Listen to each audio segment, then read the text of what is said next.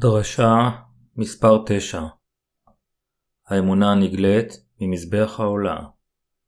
שמות פרק 27 פסוקים 1-8 ועשית את המזבח עצי שיטים חמש אמות אורך וחמש אמות רוחב רבוע יהיה המזבח ושלוש אמות קומתו. ועשית קרנותיו על ארבע פינותיו ממנו תהיינה קרנותיו וציפית אותו נחושת ועשית סירותיו לדשנו, ויעבו מזרוקותיו ומזלגותיו ומחתותיו, לכל כליו תעשה נחושת. ועשית לו מחבר מעשה רשת נחושת, ועשית על הרשת ארבע טבעות נחושת על ארבע קצותיו. ונתת אותה תחת קרקוב המזבח, מלמטה, והייתה הרשת עד חצי המזבח. ועשית בדים למזבח בדי עצי שיטים, וציפית אותם נחושת. ובית בדיו בטבעות, והיו עבדים על שתי צלעות המזבח, בשאת אותו. נבוב לוחות תעשה אותו, כאשר אראה אותך בהר, כן יעשו. ברצוני לדבר על האמונה הנגלית במזבח העולה. כאשר בני ישראל הפרו איזשהו סעיף מ-613 סעיפי תורת אלוהים והמצוות שהיה עליהם לשמור בחיי היומיום שלהם, וכאשר הם הכירו בחטאיהם, הם נתנו לאלוהים את עולתם חסרת הפגם, בהתאם לשיטת ההקרבה שנקבעה על ידו. המקום אשר הם נתנו את העולות הוא מזבח העולה. בני ישראל במילים אחרות, קיבלו את מחילת חטאיהם על ידי הנחת ידיהם על ראש חיית הקורבן, שחיטת גרונו והוצאת דמו, שימת דם זה על קרנות המזבח העולה, ושפיכת השאר על הקרקע, ושריפת בשר קורבן זה על המזבח. מהי המשמעות הרוחנית של מזבח העולה?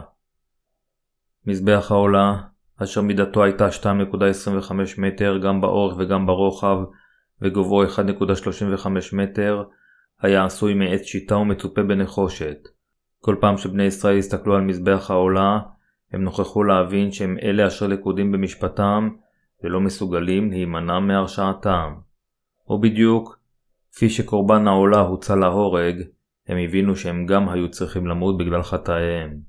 אך הם נוכחו להאמין שהמשיח יבוא אל האדמה הזו וימחק את חטאיהם על ידי שיורשע ויוצא להורג בגלל חטאיהם כמו קורבן העולה.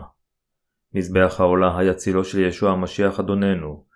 כפי שחיה ללא פגם הוקרבה עם הנחת הידיים ושפיכת דמה, ישוע המשיח בא אלינו כבן האלוהים, ונשא את ההרשעות של כל חטאינו.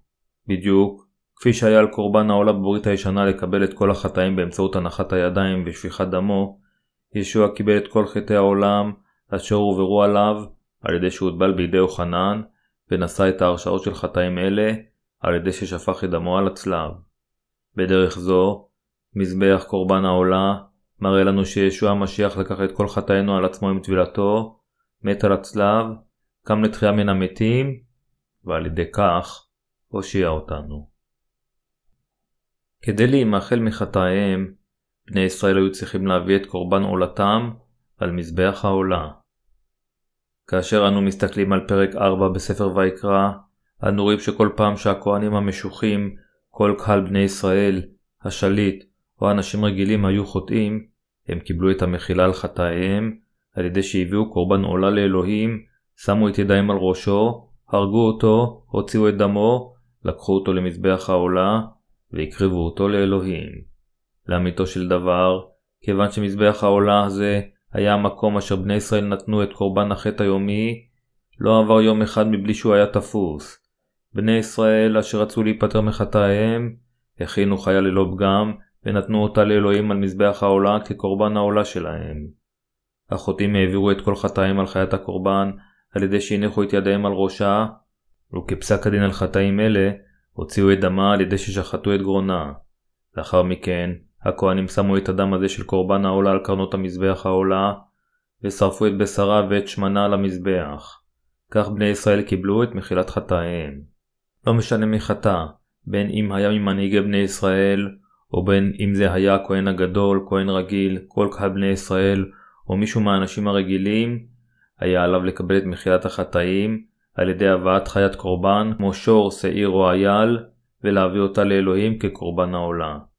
החוטאים או נציגיהם היו צריכים להניח את ידיהם על הקורבן, להורגו, לשים את דמו על קרנות מזבח העולה, לשפוך את הדם הנותר על הקרקע, ולשרוף את השומן של קורבן העולה כדי שימחלו חטאיהם.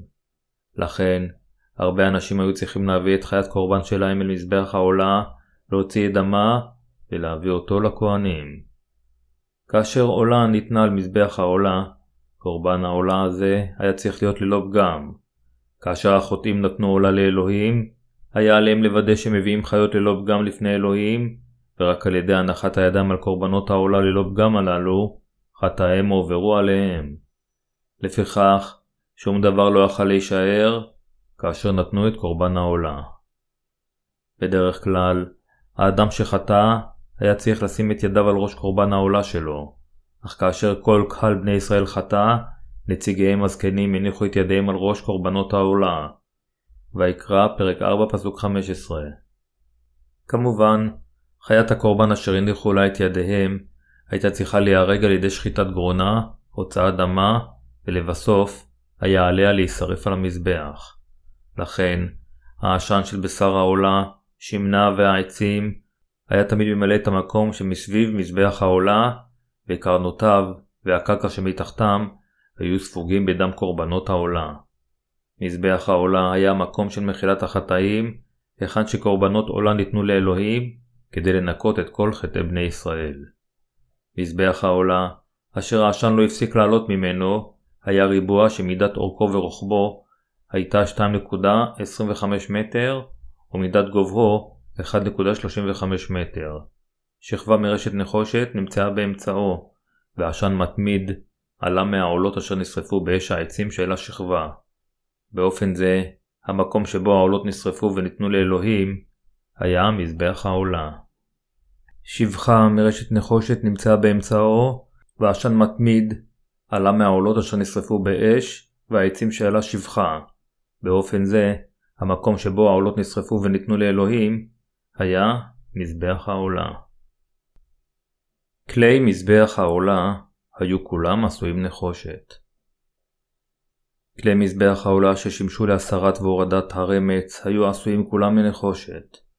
מזבח העולה בעצמו היה עשוי מעצי שיטה מצופה נחושת, וכך המזבח וכליו היו כולם עשויים מנחושת. לנחושת זו של מזבח העולה יש משמעות רוחנית ברורה. נחושת מסמלת את הדין על החטאים לפני אלוהים. לפיכך, מזבח העולה הוא המקום אשר מראה לנו בבירור שהחוטאים ללא ספק נשפטים על חטאיהם. אלוהים בוודאי וללא ספק ירשיע את האנשים על חטאיהם. המקום שבו קורבן העולה נשפט בצורה ייצוגית לתועלתם של החוטאים כשנשרף על מזבח העולה, ומזבח העולה בעצמו וכל כליו היו עשויים מנחושת, שלעצמם, דברים אלה אומרים לנו שללא ספק כל חטא דורש את דינו. המזבח מראה לנו שבגלל חטאיהם, אנשים מיועדים להיות מורשעים ולהיות נידונים למוות, אך על ידי הבאת חיית קורבן שלהם אל מזבח העולה והעלתה לאלוהים, הם יכולים להשתף מחטאיהם, לקבל את מחילת החטאים, ועל ידי כך לחיות שוב. כאן, העולות אשר היו מוקרבות על מזבח העולה, אומרות לנו שטבילת ישוע המשיח ושפיכת דמו, מחלו על חטאיהם של המאמינים. לכן, אמונה זו אשר הקריבה את קורבן העולה על מזבח העולה, המשיכה הלאה אל זמן הברית החדשה, כאמונה בטבילה ובדם של ישוע. כאשר אנו מאמינים בישוע המשיח כמושיענו, אנו חייבים לתת לאלוהים את אמונתנו, המאמינה בטבילת ישוע ובדמו כמחילת חטאינו. בברית הישנה, אמונה זו היא האמונה אשר פותחת ונכנסת דרך שער חצר המשכן, ההרוג בתכלת, ארגמן, חוט שני וחוטי הפשתן השזורים. כל הקורבנות אשר הוקרבו על מזבח העולה מסמלים את ישוע המשיח. מה עשה ישוע המשיח כאשר הוא בא אל האדמה הזו? אנו היינו מלאים בחטא, אנו חטאנו נגד אלוהים והפרנו את תורתו ואת מצוותיו. אך כדי למחוק את כל חטאינו אלה, ישוע המשיח הוטבל על ידי יוחנן המטביל, ולקח את חטאי העולם על עצמו, ולכן שפך את דמו על הצלב. בדיוק כפי שקורבן העולה נשא את חטאי בני ישראל אשר הועברו עליו עם הנחת הידיים, ולכן נהרג והוקרב על מזבח העולה, כיוון שישוע המשיח בא אל האדמה הזו כקורבן העולה ללא פגם והוטבל, הוא יכל לשפוך את דם הקורבן שלו על הצלב, ולמות עליו במקומנו. על ידי שמוסמר בידיו ורגליו ושפך את דמו, אדוננו נשא את כל ההרשעות על חטאינו למעננו, במקום שאנו נורשע על חטאינו. כך, הוא הושיע אותנו מכל חטאינו והרשעותינו. מה עשה ישוע המשיח אשר הפך לתמצית האמיתית של מזבח העולה כאשר הוא בא אל האדמה הזו? ישוע המשיח הושיע אותנו על ידי שלקח את כל חטאינו על עצמו עם טבילתו, נצלב, מת על הצלב, וקם לתחייה מן המתים. אדוננו בא אל האדמה הזו, השלים את ישועתנו הבטוחה, ואז התרומם למלכות השמיים. אנו, שאיננו מסוגלים שלא לחטוא כל יום. יש עוד משמעות למזבח העולה אשר היא עולה. לאמיתו של דבר, אני ואתם חוטאים כל יום, לכן אנו חייבים תמיד לתת קורבן עולה לאלוהים, ובגלל זה עשן ההרשעה של חטאינו תמיד עולה לאלוהים. האם יש איזשהו יום אשר אתם חיים באופן מושלם ולא חוטאים? קורבנות העולה של בני ישראל היו ניתנים ברציפות, עד שהכהנים היו יותר מדי תשושים מלתת את העולות האלה, אשר מחלו על החטאים הרבים לאין ספור של בני ישראל, ולא יכלו לבצע אותם. כיוון שבני ישראל הפרו את התורה וחטאו נגד אלוהים כל יום, היה עליהם לתת קורבנות עולה כל יום. משה, נציגם של בני ישראל, הצהיר על 613 סעיפי התורה ומצוותיו של אלוהים לבני ישראל. ועתה, אם שמוע תשמעו בקולי, ושמרתם את בריתי, והייתם לי סגולה מכל העמים, כי לי כל הארץ. ואתם תהיו לי ממלכת כהנים, וגוי קדוש. שמות, פרק 19, פסוקים 5-6 בני ישראל הבטיחו אז, כל אשר דיבר אדוני נעשה. שמות, פרק 19, פסוק 8 בני ישראל רצו להכיר ולהאמין באלוהים כאלוהים האמיתי, אשר הופיע לפני משה ודיבר אליהם באמצעותו, והם רצו שאלוהים זה יגן עליהם. על ידי קיום כל הדברים אשר אלוהים דיבר אליהם, הם רצו להיות לא רק סגולה מכל העמים, אלא גם ממלכת כהנים ועם קדוש השייך לאלוהים. לפיכך, הם ניסו לשמור את כל מצוות האלוהים אשר הוא נתן להם. האם אלוהים כבר ידע שבני ישראל יחטאו? כמובן שהוא ידע. זוהי הסיבה שאלוהים קרא למשה להר סיני, הראה לו במחזה את המשכן, הסביר את מבנהו בפירוט, אמר לו לבנות אותו, וגרם לו להיבנות בהתאם לכך. הוא גם יסד את שיטת ההקרבה שעל פיה הקורבנות היו אמורים להינתן במשכן. כאשר בני ישראל ביקשו לתת קורבן חטא לאלוהים, היה עליהם להביא פר, כבש, עז, תור או יונה ללא פגמים, וללא יוצא מן הכלל, היה עליהם לוודא את העברת חטאיהם על קורבן העולה, על ידי הנחת ידיהם על ראשו. ויקרא, פרק 1, פסוקים 1-3. לאחר מכן, להוציא את דמו על ידי שחיטת גרונו, ולתת את הדם לכהנים. הכהנים שלהם לקחו את הדם הזה, שמו אותו על קרנות מזבח העולה, שפכו את שארית הדם על הקרקע, שחטו את קורבן העולה לחתיכות, שמו את החתיכות האלה על המזבח, והקריבו אותן לאלוהים על ידי שרפתן. באופן זה, יכלו בני ישראל להימחל מכל חטאיהם. כאשר הקורבן היה נשרף, היה עליהם לא רק לשרוף את בשרו, אלא היה עליהם גם לרוקנו, ולשרוף את כל שומנו מהקרביים, ואת כבדו. בדרך זו, אלוהים מחל על חטאיהם של בני ישראל. הדרך היחידה לקבל את מחילת כל החטאים. כאשר אנו מסתכלים על עצמנו, אנו כולנו יכולים להבין שאיננו יכולים שלא לחטוא כל הזמן. אנו חיים את חיינו כאשר אנו תמיד חוטאים. אנו חוטאים חטאים לאין ספור מסיבות שונות, מפני שאנו יותר מדי חלשים, מפני שיש לנו חולשות רבות, מפני שאנו רודפי בצע ומפני שיש לנו יותר מדי כוח. אפילו מתוך אלה אשר מאמינים בישוע כמושיעם, אין אף אחד שאינו חוטא. הדרך היחידה בשבילנו להשתתף מכל החטאים האלה ולהיוושע, אנו שחוטאים תמיד אפילו שאנו מאמינים בישוע, זה להאמין בטבילתו של ישוע. הוא אלוהים בעצמו אשר בא במים ובדם. הראשונה ליוחנן, פרק 5, פסוק 6. הוא בא אל האדמה הזו כקורבן העולה של מזבח העולה באמצעות התכלת, הארגמן, חוט השני וחוטי הפשתן השזורים. כאשר ישוע זה לקח את חטאינו על עצמו, על ידי שהוטבל ושילם את חובות חטאינו, על ידי ששפך את דמו על הצלב ומת עליו, כיצד אנו יכולים שלא לקבל את מחילת החטאים באמצעות האמונה? בגלל הישועה של משיחנו ישוע המשיח, באמצעות האמונה, אתם ואני יכולנו לקבל את מחילת החטאים אחת ולתמיד. למרות שאנו חוטאים כל הזמן, בגלל ישועת הטבילה, והדם אשר ישוע המשיח ביצע כאשר הוא בא אל האדמה הזו, יכולנו להיגאל מכל חטאינו. אדוננו לקח את חטאינו על עצמו עם טבילתו, נשא את חטאי העולם אל הצלב ונצלב, ועל ידי כך הושיע אותנו לחלוטין מכל חטאינו. על ידי שהוטבל בשביל חטאינו, נשא את כל ההרשאות שלנו עם צליבתו, וקם לתחייה מן המתים, הוא הושיע אותנו לגמרי. אנחנו המאמינים באמת הזו. למרות שלא יכולנו להתחמק מהרשעה על חטאינו, בגלל אהבת הישועה והחסד שישוע נתן לנו באמצעות התכלת, הארגמן וחוט השני, אני ואתם נושענו באמצעות האמונה. אלוהים במילים אחרות, הושע אותנו מחטאינו. על ידי האמונה בו אנו נגאלנו מכל חטאינו. זה מה שמראה לנו מזבח העולה. ייתכן שתחשבו שבתוך המקדש הכל היה יפה, אך אם למעשה הייתם נכנסים לחצרו, הייתם נתקלים במחזה לא צפוי ומעורר גועל.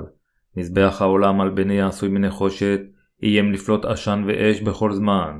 מזבח העולה חיכה לחוטאים, אדמתו הייתה ספוגה בדם, וכל אחד היה מבין שזהו המקום של ההרשעה לחטאים. כיוון שבמקום זה היה היכן שקורבנות העולה ניתנו כל יום, הייתם המומים מהצחנה של הבשר השרוף והעצים. מתחת למזבח העולה, הדם היה זורם כמו נהר. כל פעם שבני ישראל חטאו, הם הביאו את חיית הקורבן שלהם אל המשכן, העבירו את החטאים עליה על ידי שהניחו את ידיהם, שחטאו את גרונה, הוציאו את דמה, ונתנו את הדם הזה לכהנים. הכהנים לאחר מכן שמו את הדם הזה על קרנות המזבח העולה, ושפכו את השאר על הקרקע. לאחר מכן הם חתכו את הקורבן לחתיכות, ויחד עם כליותיו ושומנו, שמו את בשרו על השפחה, ושרפו אותם. בתחילה שהדם נשפך, הוא זורם באודם, אך לאחר זמן מה, הוא נקרש ונהיה דבי כמעה. למעשה, אם הייתם נכנסים למשכן, הייתם רואים את הדם המזעזע הזה. כל פעם שבני ישראל הפרו את מצוותיו של אלוהים, באמצעות מזבח העולה הם הכירו בכך שהם עמדו למות כמו קורבן העולה שלהם על המזבח. מדוע? כיוון שאלוהים כרת את בריתו איתם עם דם. אם תשמרו את תורתי, תהיו עמי וממלכת כהנים. אך אם תיכשלו בשמירתה, תהיו חייבים למות כמו קורבנות העולה אשר הוצאו להורג. כך אלוהים הקים את בריתו עם אדם. לפיכך, בני ישראל קיבלו את זה כעובדה נתונה, שאם הם יחטאו ויפרו את התורה, יהיה עליהם לשפוך את דמם.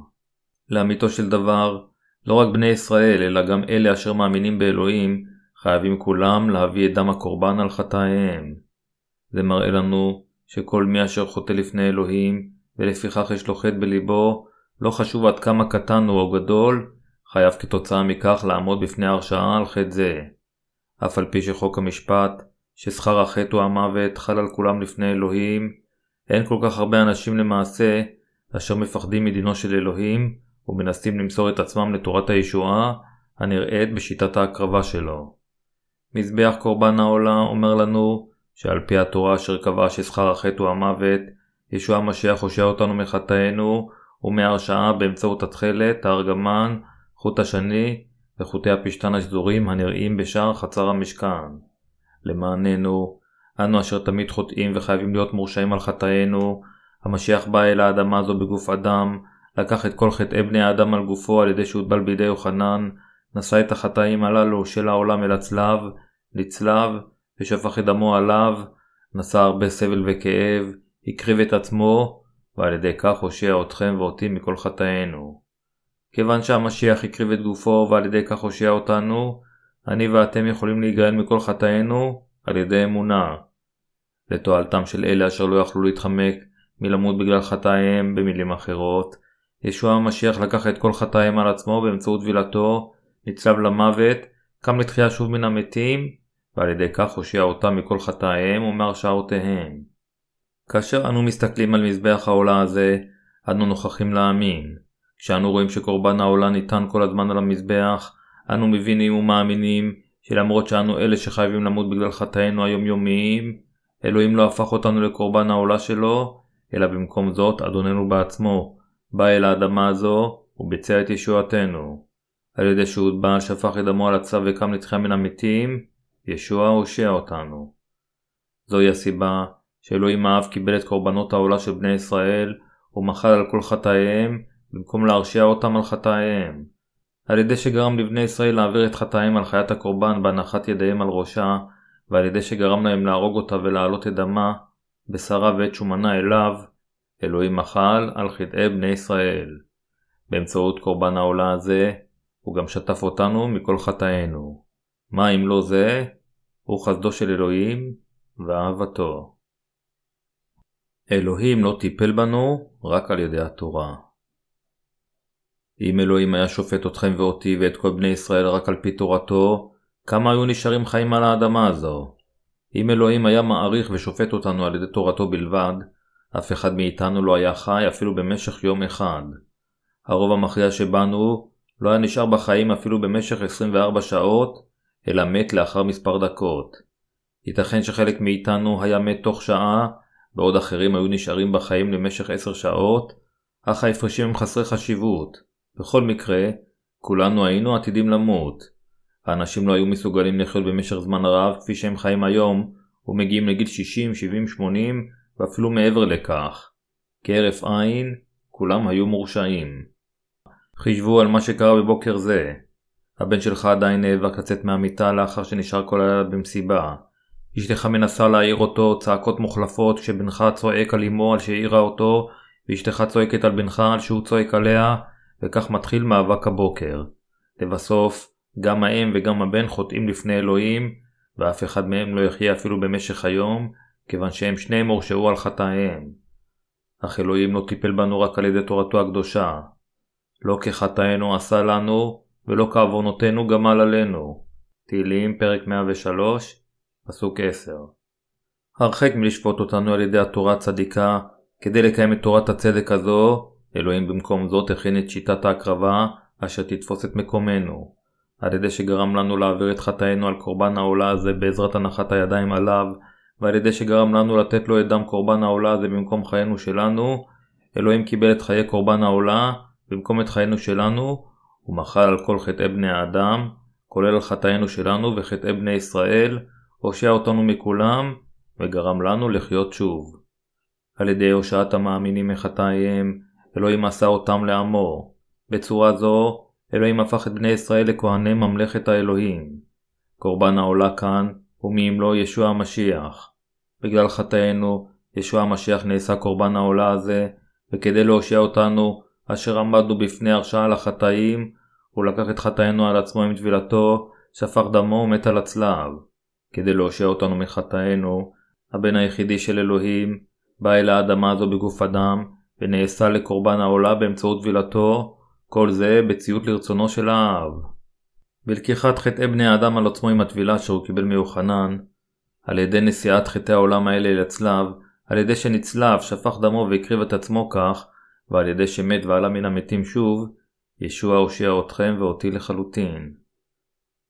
כאשר אנו שומעים את דבר הגאולה, אומר לנו שישוע במקומנו הוטבל, נצלב וקם לתחייה מן המתים לאחר שלושה ימים, ליבנו מתמלא בהשראה, מכיוון שהוא, אשר היה חף מחטא, קיבל במקומנו את הטבילה אשר העבירה את כל החטאים עליו, ומכיוון שבגלל חובות החטאים האלה, הוא נשא את כל סוגי הרדיפה, דיכוי, כאב, סבל ולבסוף מוות, כל מה שהיה צריך להיות חלקנו מההתחלה. כאשר המשיח הושע אותנו מחטאינו על ידי כך, שום דבר לא יכול להיות זדוני יותר מאשר לא להאמין באמת הזו. אנו חייבים להאמין בישועה שהתבצעה באמצעות התכלת, הארגמן וחוט השני.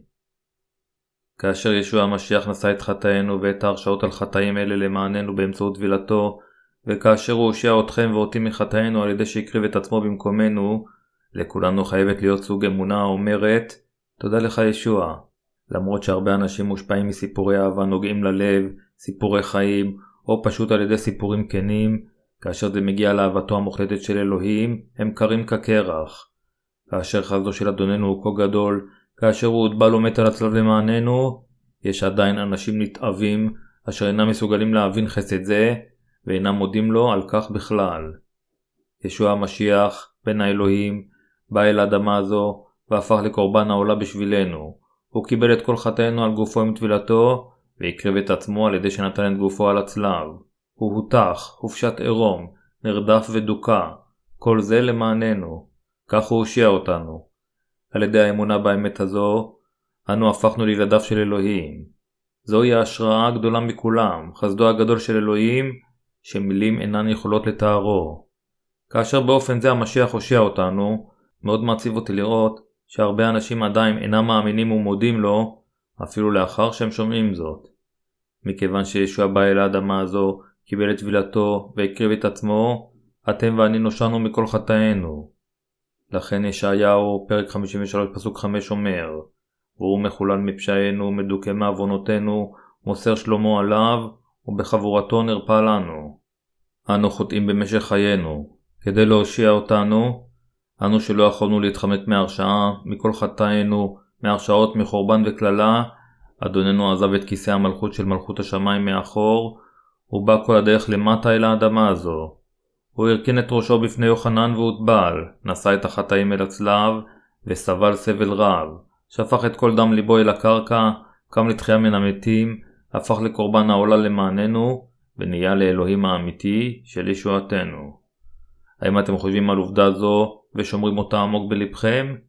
כאשר אתם שומעים את הדבר, הדבר הנכון לעשות זה להאמין ולעורר את לבכם שישוע המשיח בא אל האדמה הזו בגוף אדם, שהוא הוטבל, נצלב למוות וקם לתחייה כדי להושיע את עמו מחטאיהם. אם נבין שכולנו היינו מיועדים לגיהנום, נוכל להבין עמוק בלבנו עד כמה מעוררת השראה ותודה ישועה זו. למרות שרצינו להאמין באלוהים ולהיות עמו, לא הייתה לנו דרך להשיג את זה. רק בשבילכם ובשבילי, אשר באמת חיפשנו את מחילת חטאינו, הוא פגש אותנו עם דבר האמת, שהמשיח בא אל האדמה הזו, הוטבל, מת על הצלב, וקם לתחייה מן המתים לאחר שלושה ימים. ללא ההקרבה הזו של ישוע, כיצד היינו יכולים אי פעם לקבל את ישועתנו? לעולם לא היינו יכולים. לולא טבילתו של ישוע ואדם על הצלב, וללא הישועה של התכלת, הארגמן, חוט השני, וחוטי הפשתן השזורים הנראים במשכן, הישועה הייתה רק חלום ליל קיץ בשבילנו. ללא הקרבתו, לעולם לא היינו יכולים להיגאל מחטאינו ולהתחמק מעונשיהן, אלא היינו מושלכים אל האש הנצחית של הגיהנום וסובלים לנצח.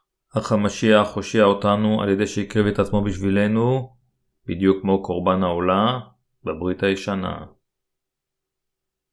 ישועת התכלת, הארגמן וחוט השני, אשר התבצעה בברית החדשה. קוראי היקרים, לעולם אל תשכחו את האמת של התכלת, הארגמן, חוט השני וחוטי הפשתן השזורים ששימשו למשכן.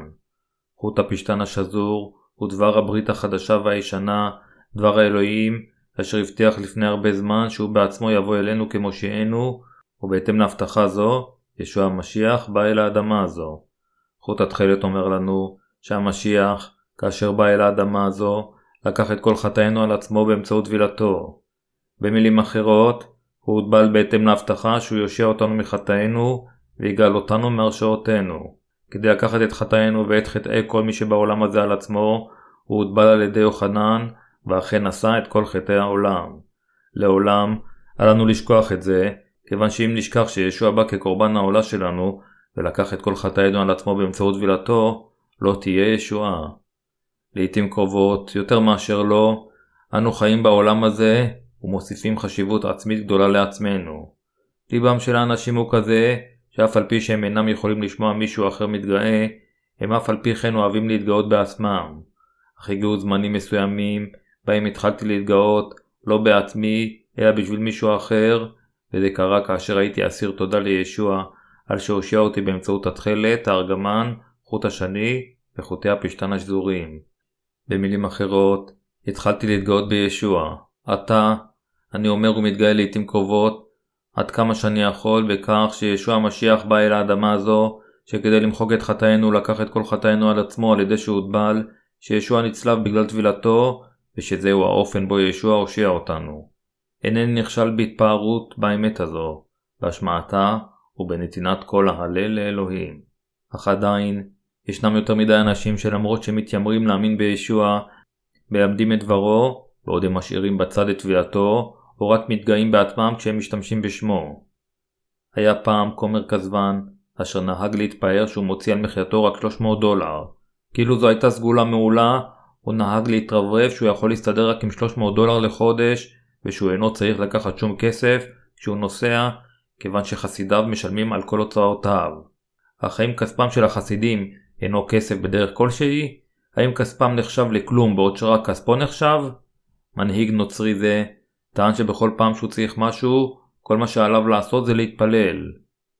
אלוהים, כסה את עלויות הנסיעה שלי, אני מאמין בך ישוע. עם תפילה זו הוא העיד. קדושים מסוימים יוצאים ונותנים לו חופן של מזומנים. כשאתם מסתכלים על אנשים שכאלה אשר אומרים דברים אלו, כאילו יש להם משהו להתגאות בו, איזה סוג של מחשבות באות לראשכם? מתי, פרק 3, פסוקים 13-17 אומר ויבוא ישוע מן הגליל לירדן על יוחנן להתאבל על ידו, ויוחנן חסך אותו לאמור, אנוכי צריך להתאבל על ידך ואתה בא אליי? ויען ישוע ויאמר אליו, הניחה לי, כי כן אבל לשנינו למלא כל הצדקה, וינח לו. ויהי כאשר נטבל ישוע, וימהר לעלות מן המים, והנה השמיים נפתחו לו. וירא את רוח אלוהים כיונה ונחה עליו. והנה כל מן השמיים אומר, זה בני ידידי, אשר רציתי בו. קטע זה מתאר מה קרה כאשר ישוע הוטבל. כאשר ישוע הוטבל על ידי יוחנן המטביל בנהר ירדן ויצא מן המים, שער השמיים נפתח, ונשמע קולו של אלוהים האב אומר, זה בני ידידי אשר רציתי בו. יוחנן המטביל נדהם בזמן ההוא. יוחנן המטביל נדהם פעמיים בנהר הירדן. פעם ראשונה הוא נדהם כאשר ישוע בא אליו ורצה להתאבל על ידו, והוא נדהם שוב לאחר שהטביל את ישוע, כאשר שער השמיים נפתח, וכאשר שמע את קולו של אלוהים האב אומר, זה בני ידידי אשר רציתי בו. מה הייתה הסיבה של ישוע להטבלתו בידי יוחנן המטביל? מתי פרק 3 פסוק 15 נותן כאן את התשובה. הווה נקרא פסוק 15 ו-16 שוב. ויען ישוע ויאמר אליו, הניחה לי כי כן אבל לשנינו למלא כל הצדקה, וינח לו. ויהי כאשר נטבל ישוע וימהר לעלות מן המים, והנה השמיים נפתחו לו. וירא רוח אלוהים כיונה, ונחה עליו. מתי פרק 3 פסוק 15 אומר לנו את הסיבה מדוע ישוע הוטבל על ידי יוחנן המטביל. למרות שישוע היה הכהן הגדול של מלכות השמיים ובנו היחיד של אלוהים, למרות זאת, הוא בא אל האדמה הזו להושיע אותנו, את עמו מחטאינו. במילים אחרות, ישוע בא אל האדמה הזו כקורבן העולה, אשר משלם את כל חטאינו, על ידי שלקח חטאים אלה על עצמו ונצלב במקומנו. זוהי הסיבה שישוע ביקש להתאבל על ידי יוחנן. אך מדוע ישוע הוטבל על ידי אף אחד אחר מלבד יוחנן המטביל?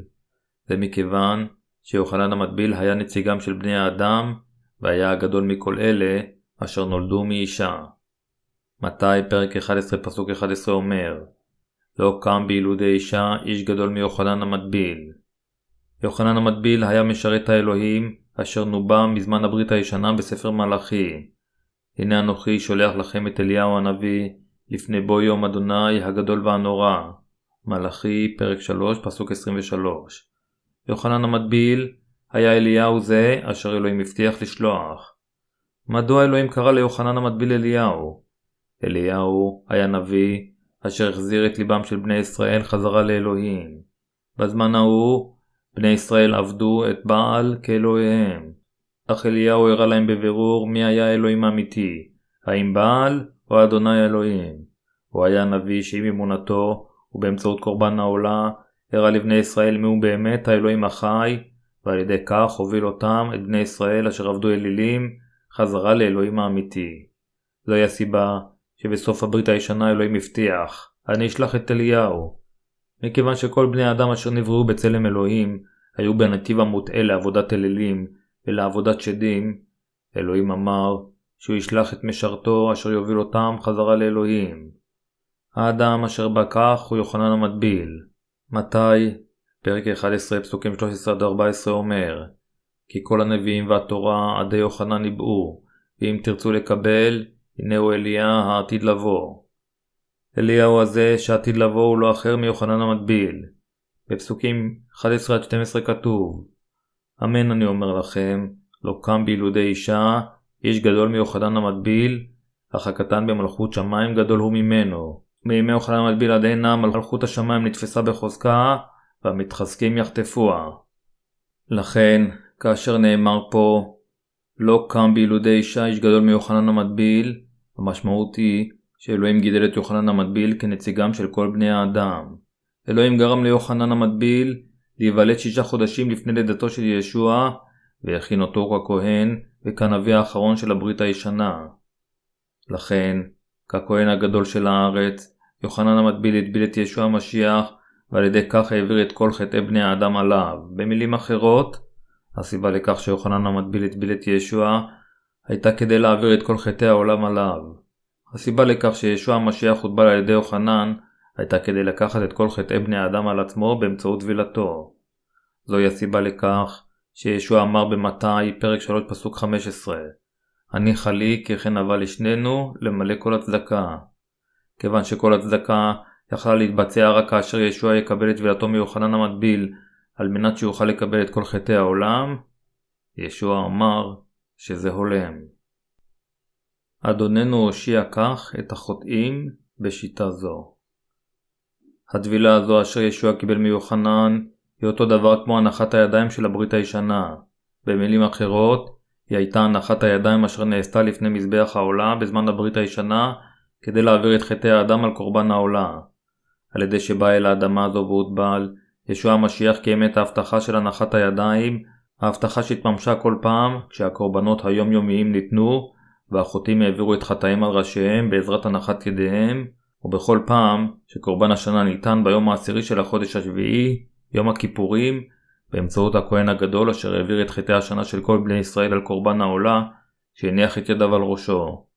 כמו הנחת הידיים של הברית הישנה, כיוון שישוע קיבל את כל חטאי העולם על עצמו כשהוטבל, הוא שטף את כל החטאים האלה, וכיוון שהוא לקח את כל חטאי בני האדם על עצמו, הוא נשא על עצמו את ההרשעות על חטאים אלה במקומנו, והוקרב. באופן זה, ישוע יכל להיות האלוהים האמיתי של ישועתנו. לפיכך, אנו חייבים להודות באמת שבגלל חטאינו לא יכולנו להימנע מלהיות מורשעים ולעמוד בפני מותנו הבטוח.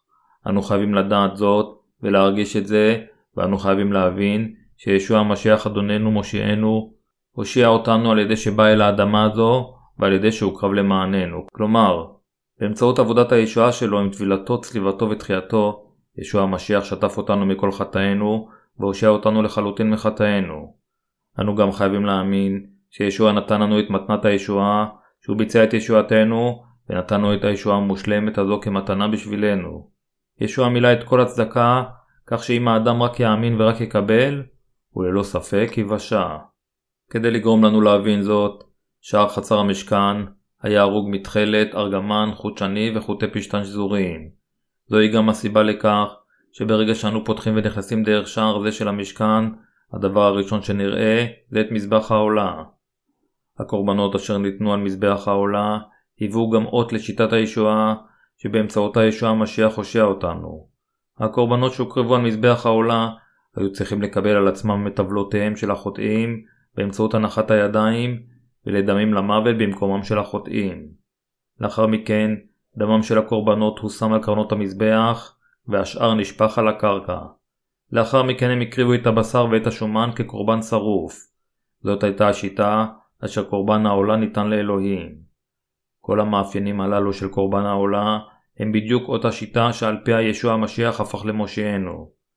באמצעות קורבן העולה במילים אחרות, אלוהים הראה לנו שישוע המשיח יבוא אל האדמה הזו ויושיע אותנו בדרך הזו. ללא ספק, ידיהם של החוטאים היו צריכות להיות מונחות על חיית הקורבן אשר ניתנה על מזבח העולה. זוהי הסיבה שהמשכן אומר לנו על בשורת המים והרוח. כשהוא בא אל האדמה הזו, ישוע המשיח הוטבל כדי לקחת את כל חטאי בני האדם על עצמו. הטבילה היא אות הישועה שישוע קיבל כדי להפוך לקורבן העולה, למען כל חוטאי העולם לפני אלוהים האב. באמצעות המשכן הזה, אנו כולנו יכולים להיות בעלי אמונה ברורה. בדיוק כפי שקורבן העולה קיבל את חטאי בני ישראל ביום הכיפורים באמצעות הנחת הידיים של הכהן הגדול, ובדיוק כפי שקורבן העולה היה חייב להיות מוקרב במקומם, כיוון שכל חטאים הועברו עליו, ויקרא פרק 16, ישוע המשיח אשר בא אל האדמה הזו כדי לקחת את חטאינו על עצמו, ולהפוך לקורבן העולה שלנו על חטאים אלה, אכן למעשה הפך לקורבן העולה שלנו, ועל ידי כך הושיע אותנו מכל חטאינו ומהרשעותינו. אנו יכולים עתה להאמין לחלוטין בישועת האהבה הזו. על ידי האמונה באמת הזו, אנו יכולים להודות ולפרוע את חובותינו לאלוהים על ישועת האהבה שהוא נתן לנו.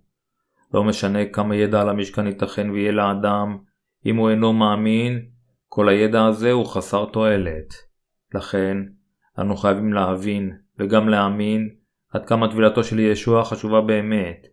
למשכן היו שלושה שערים, אשר כולם היו הרוגים מתכלת, ארגמן, חוט שני וחוטי פשתן שזוריים. ייתכן שאנשים יפרשו בגלל בערותם כל שער באופן שונה. בסדר של החוטים, הראשון להיות הרוג היה חוט התכלת, ולאחר בסדר חוט הארגמן, חוט השני וחוטי הפשתן השזוריים.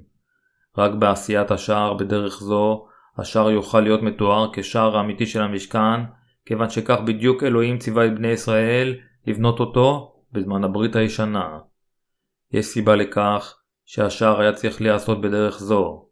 לא משנה אם ישוע המשיח היה נולד על האדמה הזו כמושיעם של בני האדם בגוף אדם באמצעות גופה של מרים הבתולה, אם הוא לא היה מוטבל כדי לקחת את חטאינו על עצמו מלכתחילה, הוא לא היה יכול להפוך למושענו האמיתי. אם הוא לא היה מוטבל, הוא לא היה יכול להצלב ולא למות על הצלב. לפיכך, חוט התכלת היה צריך להיות הרוג ראשון, כיוון שערכו הרלוונטי היה גם קריטי. במי אנו חייבים להאמין. לכן, אנו חייבים להאמין בישוע המשיח אשר יושיע אותנו מחטאינו. נוכל להיוולד מחדש באמת רק כאשר נאמין בישועה שבין האלוהים הזה ישוע המשיח מושיענו נתן לנו. כאשר אנו מאמינים בבין האלוהים כאלוהי הישועה, וכאשר אנו מאמינים באמת שהוא בא אל האדמה הזו, לקח את כל חטאינו על עצמו אחת ולתמיד על ידי שהוטבל בשבילנו, וסבל את כל ההרשעות על הצלב, נוכל כולנו לקבל את ישועתנו האמיתית. מכיוון שישוע המשיח לא יכל לקחת את חטאינו בשום דרך שהיא מלבד באמצעות טבילתו, אלא רק על ידי נשיאת חטאינו באותה דרך בדיוק, הוא יכל ללכת אל הצלב, לשפוך את דמו ולמות עליו. לא משנה כיצד הוא בן האלוהים, וכיצד הוא בא אל האדמה הזו כמו שהיינו, אם הוא לא היה לוקח את חטאינו על עצמו באמצעות טבילתו, לא הייתה יכולה לעולם להימצא לנו ישועה בעולם הזה.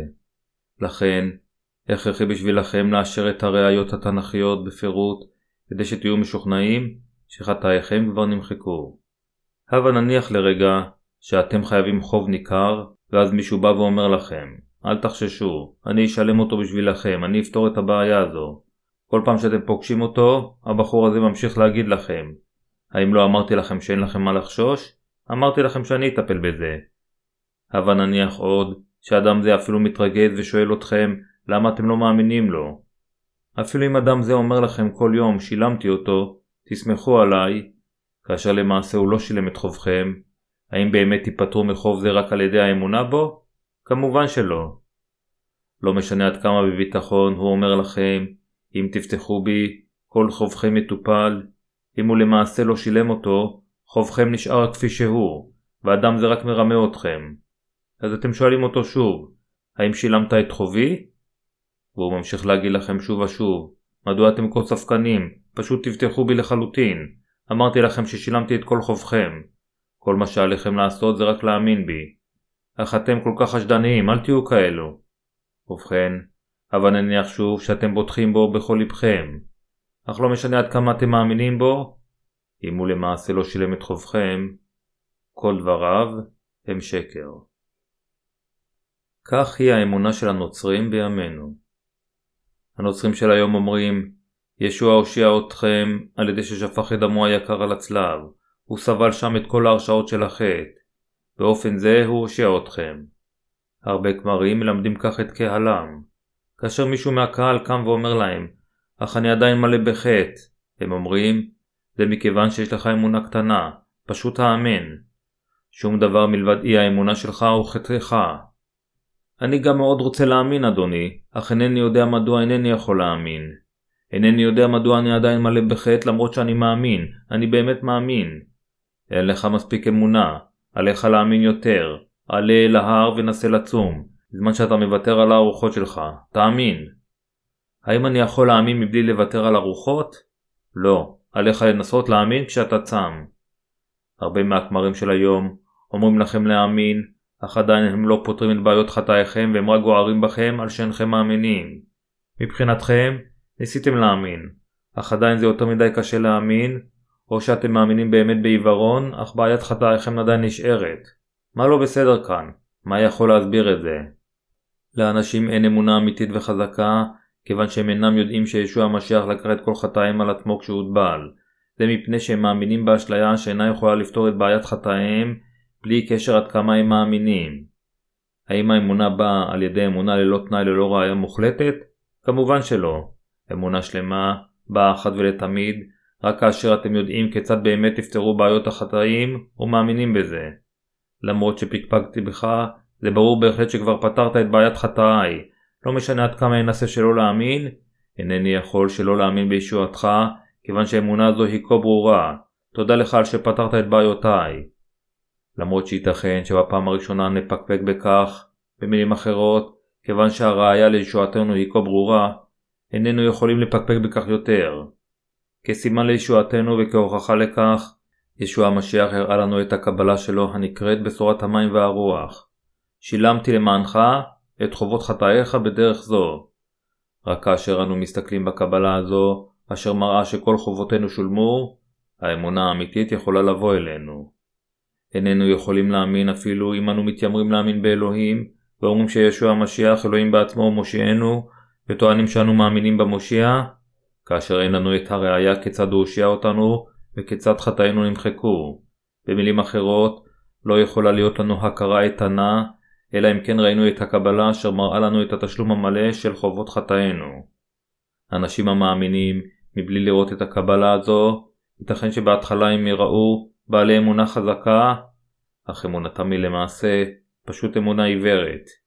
היא לא יותר מאשר אמונה פנאטית. האם אתם מחשיבים אמונה פנאטית כאמונה טובה? כיצד תנהגו אם כומר בעל אמונה פנאטית דורש את אותה פנאטיות גם מאחרים? האמינו, קבלו את האש, אש, אש, אש. רוח הקודש היא כמו אש ממלאת אותנו באש. אני מאמין שישוע יברך את כולנו. אני מאמין שהוא יעשה את כולכם עשירים. אני מאמין שהוא יברך אתכם. אני מאמין שהוא ירפא אתכם. כאשר כומר מסוג כזה מציג סוג כזה של הופעה, אוזניהם של המאמינים מתחילות לצלצל וליבם מתחיל לקפץ. כשהוא מתועל באמצעות מערכת הגברה הטובה ביותר, כאשר הוא מתחיל לצעוק אש אש אש, ליבם של הצופים מתחיל לקפץ מצלילו המופלא של קולו. הם מוצפים ברגשות, כאילו אמונה אמיתית באה אליהם ומקוננים. בוא אדוננו ישוע, הו, בואי רוח הקודש. בערך בזמן הזה, הכומר מגרה אף יותר את רגשותיהם של הצופים כשהוא אומר, הבה נתפלל. אני מאמין שרוח הקודש יורדת עתה וממלאת את כולנו. לאחר מכן מיד התזמורת מלהיבה בשירי הודיה לאל, ואנשים מרימים את ידיהם אל על, משתוללים בהתלהבות, ופרץ רגשותיהם מגיע לשיא. לפי אות, הכומר אומר, הבה ניתן את תרומותינו. במיוחד בערב זה, אלוהים רוצה לקבל תרומה מיוחדת מכם. הבה ניתן כולנו תרומה מיוחדת לאלוהים. כשהם מוצפים ברגשותיהם, האנשים מרוקנים את כיסיהם.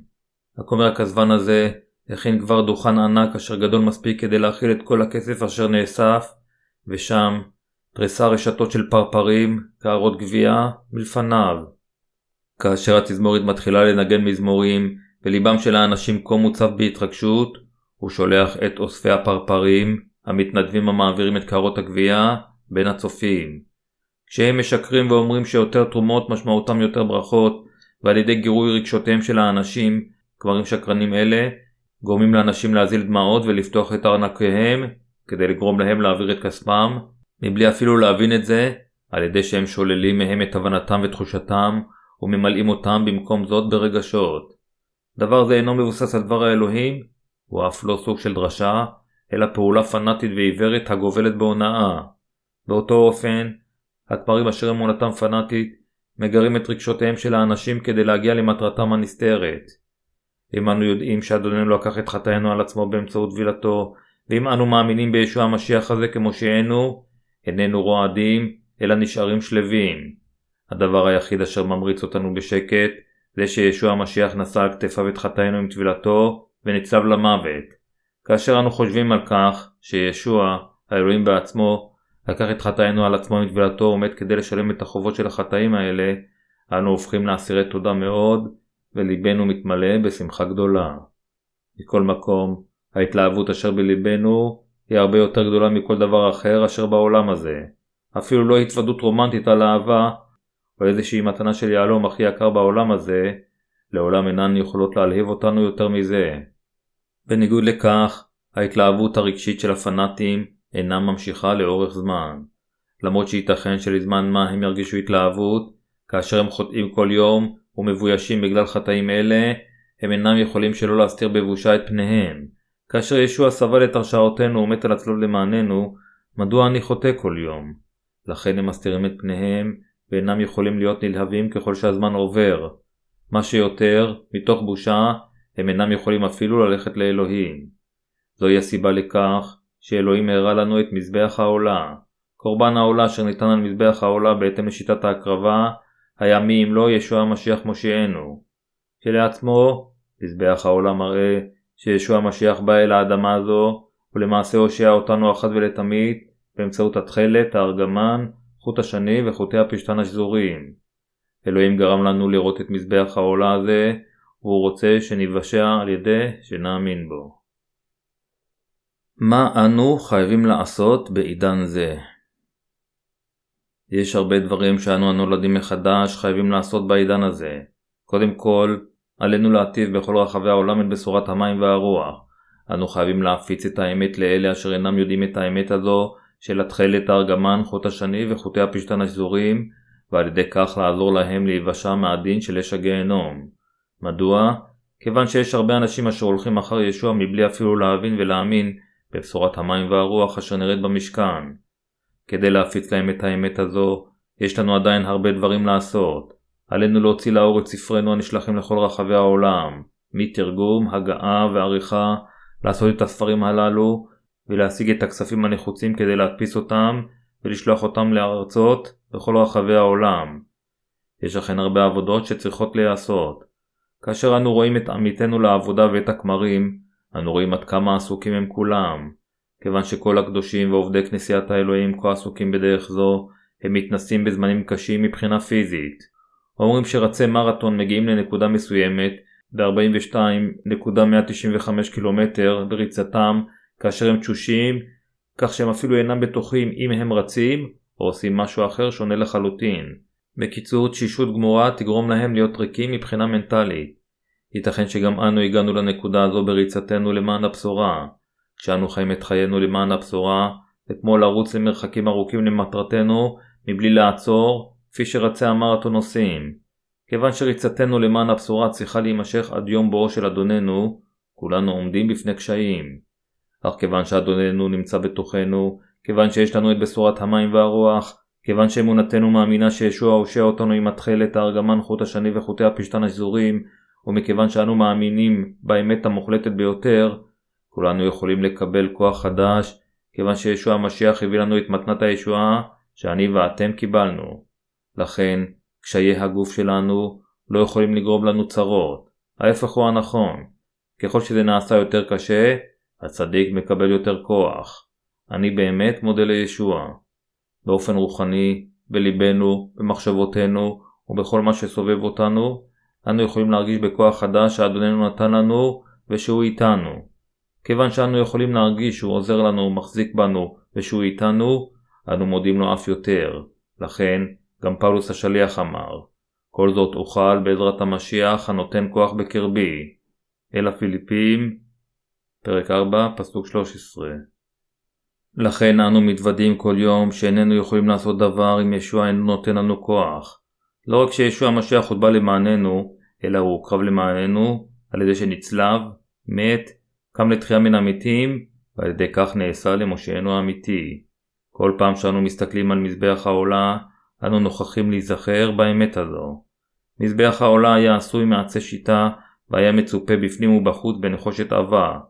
גובהו היה בערך 1.35 מטר, ושפחתו, רשת נחושת הייתה ממוקמת קרוב למרכזו, בערך בגובה של 68 סנטימטר. בשר הקורבן הושם על השפחה הזו ונשרף. כל פעם שאנו מסתכלים על מזבח העולה, אנו חייבים לראות את עצמנו כמו שאנו. אנו גם חייבים לראות שישוע המשיח לקח את חטאינו על עצמו, שהוטבל בגופו, ושהוא סבל את ההרשאות על חטאינו על ידי ששפך את דמו על הצלב. אני ואתם לא היינו יכולים באמת להתחמק מלמות ולהיות מקוללים לעד. אך בגלל ישוע המשיח, אשר בא אל האדמה הזו כקורבן הכפרה הנצחי, הוטבל ומת, והכל למעננו כמו קורבן העולה של הברית הישנה, אנו נושענו. ייתכן שחיית הקורבן נראית חמודה ונעימה לליטוף כאשר היא בחיים, אך עד כמה מבעיטה היא שהיא מדממת למוות עם גרונה הפתוח לאחר שקיבלה את החטאים באמצעות הנחת הידיים. כך אנו, אשר הגיע לנו למות בדרך מבעיטה שכזו, נמלטנו מהרשעותינו בברכה נפלאה באמת. ברכה זו התאפשרה כיוון שישוע נתן לנו את מתנת הישועה. בדיוק כפי שנראה בתכלת, ארגמן, חוט השני וחוטי הפשתן השזורים, ישוע המשיח בא אל האדמה הזו בגוף אדם, הושיע אתכם ואותי באמצעות טבילתו ודמו על הצלב, ועל ידי כך נתן לנו את המתנה האמיתית של הישועה. אלוהים כך הביא לכם ולי את מתנת הישועה. האם אתם מאמינים בכך בלבכם? האם אתם מאמינים במתנת הישועה, באהבתו של ישוע? לכולנו חייבת להיות אמונה זו. כאשר אנו מסתכלים על מזבח העולה, אנו חייבים להבין שישוע המשיח הושיע אותנו בדרך זו. הוא הוקרב כך כדי לתת לנו את מתנת הישועה. כפי שהידיים הונחו על קורבן העולה, וכפי שקורבן העולה דימם למוות, ישוע נתן לנו את ישועתנו, שסבל באותה דרך. כך הוא הושיע אותנו מכל חטאינו. אנו חייבים להבין את זה, להאמין בכך בלבנו לפני אלוהים, ולתת לו תודה בכל ליבנו. אלוהים רוצה שנקבל באמצעות האמונה את מתנת האהבה והישועה אשר הוא נתן לנו. הוא רוצה שנאמין בלבנו בישועת הטבילה והדם על הצלב אשר הוא ביצע כאשר הוא בא באמצעות המים והרוח. תקוותי היא שכולכם תאמינו באהבתו של אדוננו בלבכם ותקבלו באמת אל לבכם את מתנת הישועה שלו. האם אתם באמת מקבלים אותה אל לבכם? מי הוקרב למענכם בדרך זו?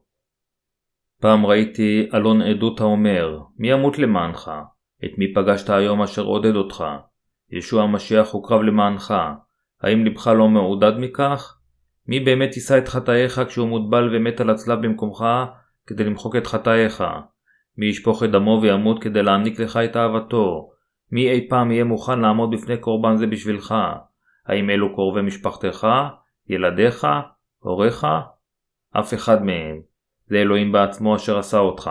כדי להושיע אותך מחטאיך, אלוהים הזה בא אל האדמה הזו בגוף אדם, הוטבל, כדי לקחת את חטאיך על עצמו, נצלב ושפך את דמו, כדי לשאת את כל ההרשעות של חטאיך, הפך למושיעך האמיתי, קם לתחייה מן המתים, והוא חי אף אתה ונתן לך את ישועתו ואהבתו כמתנה. האם אתה באמת רוצה לקבל ללבך את ישועת האהבה הזו? האם אתה מאמין באמת בלבך? כל מי שמאמין יקבל את ישוע, כל מי שיקבלו יבשע. לקבל אותו הכוונה לקבל את הישועה ואת האהבה אשר המשיח נתן לנו.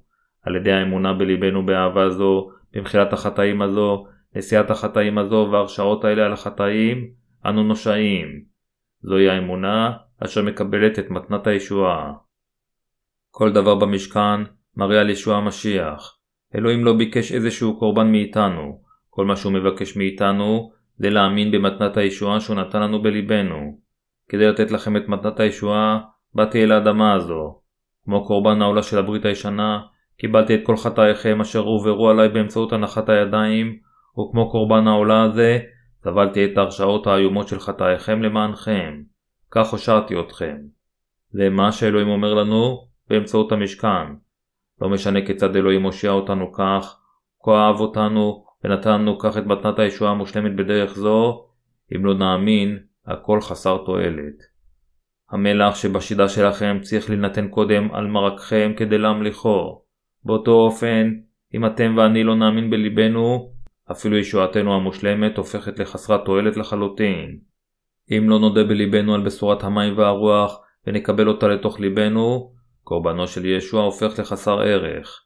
הישועה יכולה להיות שלכם רק כאשר תדעו איזו הקרבה ואהבה ישוע אלוהים המושיע נתן לכם, קבלו אותה ללבכם והודו לו על כך. אם לא תקבלו את מתנת הישועה המושלמת של המשיח ללבכם, אלא רק תבינו אותה בראשכם, זה יהיה לגמרי חסר תועלת.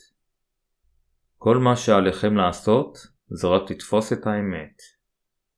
אין זה משנה עד כמה מתבשל מרקכם על קיריים, אם אתם רק חושבים לעצמכם שאתם עומדים לשים את המלח, אך למעשה אינכם עושים כך, מרקכם לעולם לא יהיה מלוח.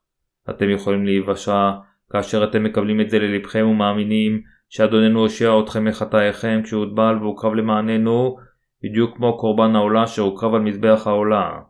כאשר אלוהים נותן לכם את מתנת הישועה, רק קבלו אותה באסירות תודה.